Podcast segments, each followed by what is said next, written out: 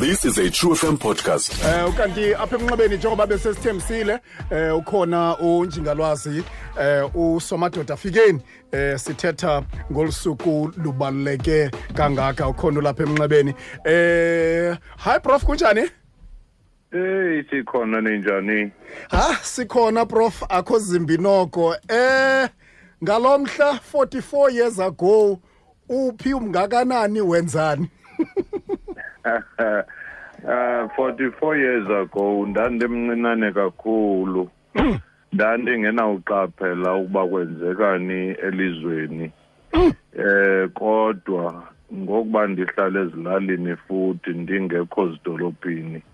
Kwakusemnyama nje kum elona lizwe laliqhubeka lelokuba ahambe uyoyelusa amadakana.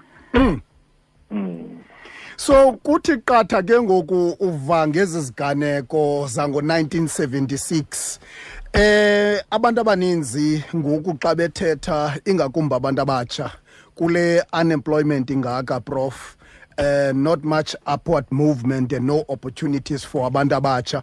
Ngokubona kwakho ngokwescope sezinto do you think abantu abatsha kulo mzantsi afrika uh, udemocratic care about what happened ngo-1976 bakhumbula kakuhle kakhulu umsasazi kuba kaloku nokuba besebezawulibala amanxeba entlungu ezinto ezininzi ezibehlelayo zibakhumbuza uba kanene kutheni sikule meko yiloo nto kuthe ngo-2015 2016 kwakho uroads must fall kwakho fees must fall kwiidyunivesithi.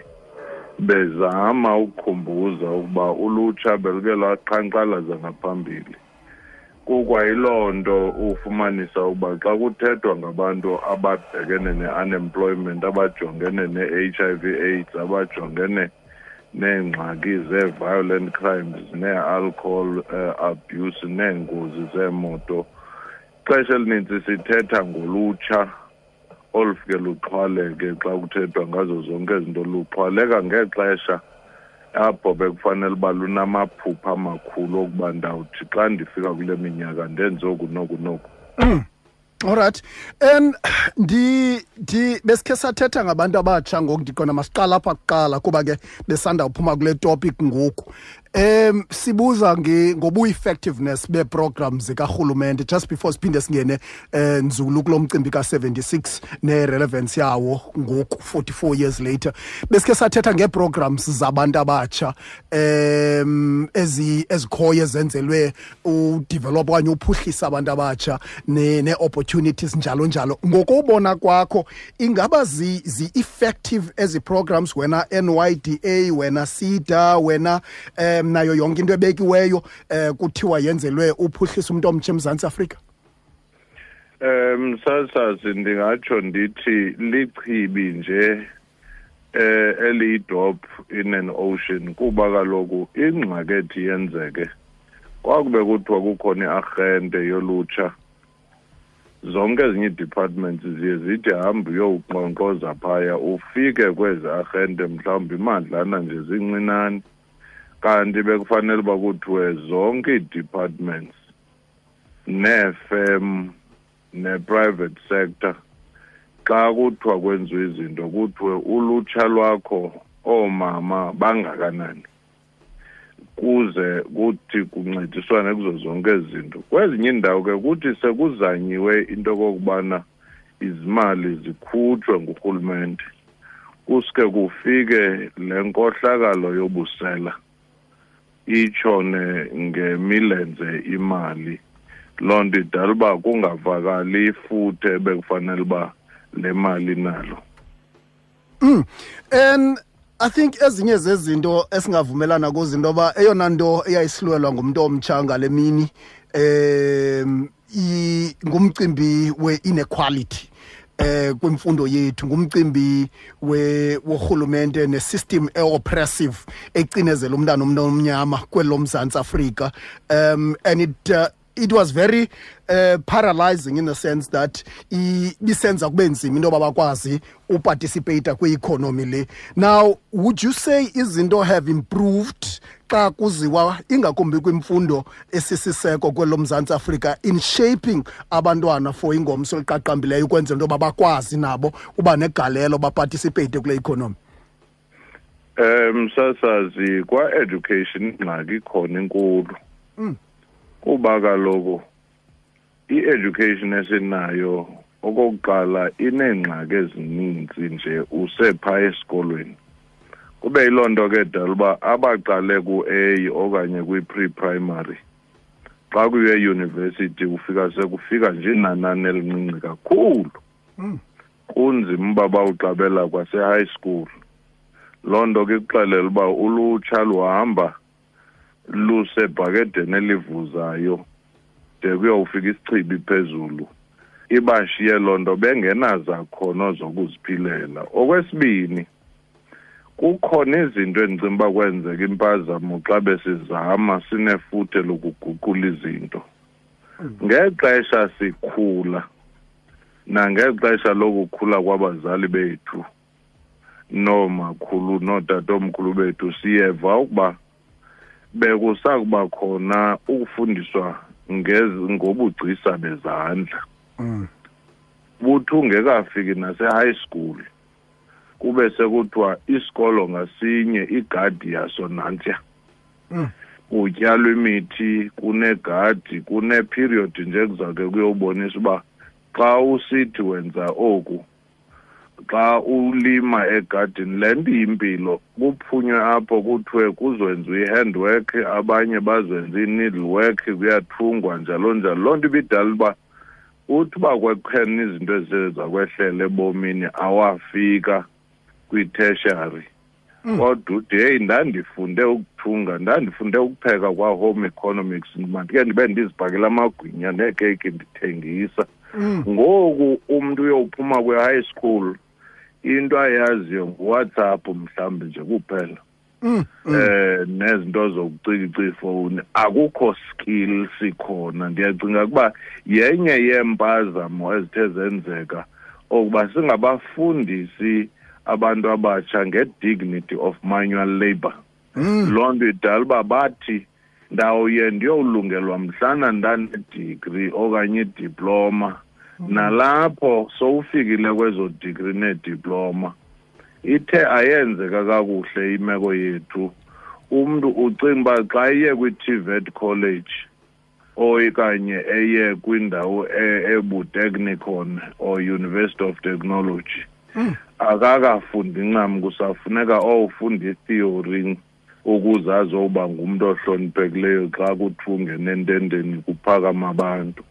Loo nto ke idala uba singakwazi ukufana namazwe afana nooswitzerland a-advanced apho uzawufumanisa uba seventy percent yabantu bazifundela ubugcisa and imali eninzi iya kweli cala lobugcisa.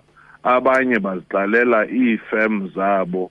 Ayingobantu bafundiswe ubukhobo bokuba athi ndigqibile ngoku ndizawumane ndijonge amaphepha athi umsebenzi ufumaneka phi koko umntu uziqalela amathuba yena Mm.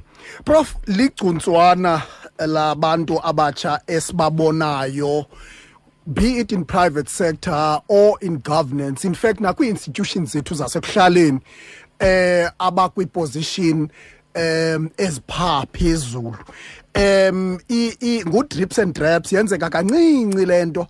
Um inoba mhlawumbi yonakala phi wena ngokobona kwakho prof? Mhlawumbi singayilungisa njani le nto? Because xa ujonga kumanye amazwe ingakumbi um eyurophu isikakhulu um nasepalamente ngoku nescope sezinto epalamente ngoku with ukufika kwe-eff neminye imibutho noko engathi um ikhokhelwa ngabantu abatsha. Inoba mhlawumbi yinto nenokwazi ukwenziwa ukwenzela into yoba nentembeko ibe khona um kubantu abatsha bafakwe kwezi zikhundla ukwenzela into yoba bakwazi uyidrayiva le nqwelo?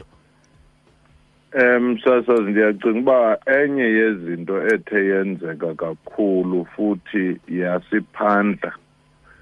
Yasishiya sinentlabathi emehlweni.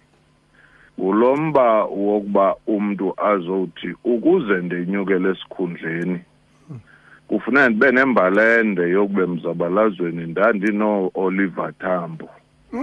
Ndandihamba noosobukwe ndandiserobben island. Ndandi uyilibala into yokuba abanye babo bantu ngabanebali elinjalo lithetha ukuthi bekufana budlalisa abazukulwane evrandini. Mm. kuba kaloku kuzawuthethwa nge-fourth industrial revolution. Zicike izibane. Uzawuthiwa masibe ne-zoom meeting ucele bonke abantu bakhani izondilungiselelani kuthiwe kukhona le nto izawukwenziwa pha sele bekushiyile bathi hlala endlini uthethe kuvela isilevu kuphela kwakule foto kufanele uba kufoto kuyo. Ingxaki ke ilapho yokuba thina sicinga uba apha yindawo yokubalisa ukuba eZambia ndandisithi eRobben Island ndandisithi kanti ulutsha namanye amazwe ayabonakalisa into yokuba xa uthe walethemba walifaka kodwa kungalifaki kuba benyanzelisa besithi ndandizalwe ngo-ninety-four mandide ndifakwe esikhundleni. Ayiyonto ya-birth certificate okanye i-baptismal certificate lesithetha ngayo sithetha ngolutsha olunesakhono. Not ulutsha oluthe sawukwazi uyivala le ntlanganiso okanye sawugrogrisa abantu ngokubabetha ukuze nindifake esikhundleni. Ingxaki yethu ke siye safuna ophuma silwe bodwa kwiindawo ezithile apho sekuthiwa kulutsha luyanyanzelisa. Ngoku xa sefikile umntu phaa wenyuke esikhundleni ngokunkala abantu ngezitulo okanye omnye ngokubaxokisa athi intlanganiso isecaweni kanti iseholweni kuzonyulwe ngoku uneskill sobuxoki nesenkohlakalo nokulwa akanaso iskill sokukhokhela. Prof ukuyivala nje nokuyisonga umyalezo wakho kuthi mhlambi into esinoyithatha sihambe nayo eh uya phambili singabantu abatsha kwisiganeko salomhla ngo1976 into esinokuyithatha msasazi yethi kwihlabathi lonke nakwimbali yasemzantsi afrika apho izinto zithe zaguquka khona ngendlela encomekayo nebambelekayo kulapho ulutsha luthe lwaphakama alwakhalala nje lwathatha indawo yokuba lukhokele luze nezinto. Ngee-1940s i-youth league ifike i-anc seyibukozela yayizisela i-program of action ngo-1949 olembede nabo sobukhwe nothambo nayo yonke intsha le yayikhona ngoko.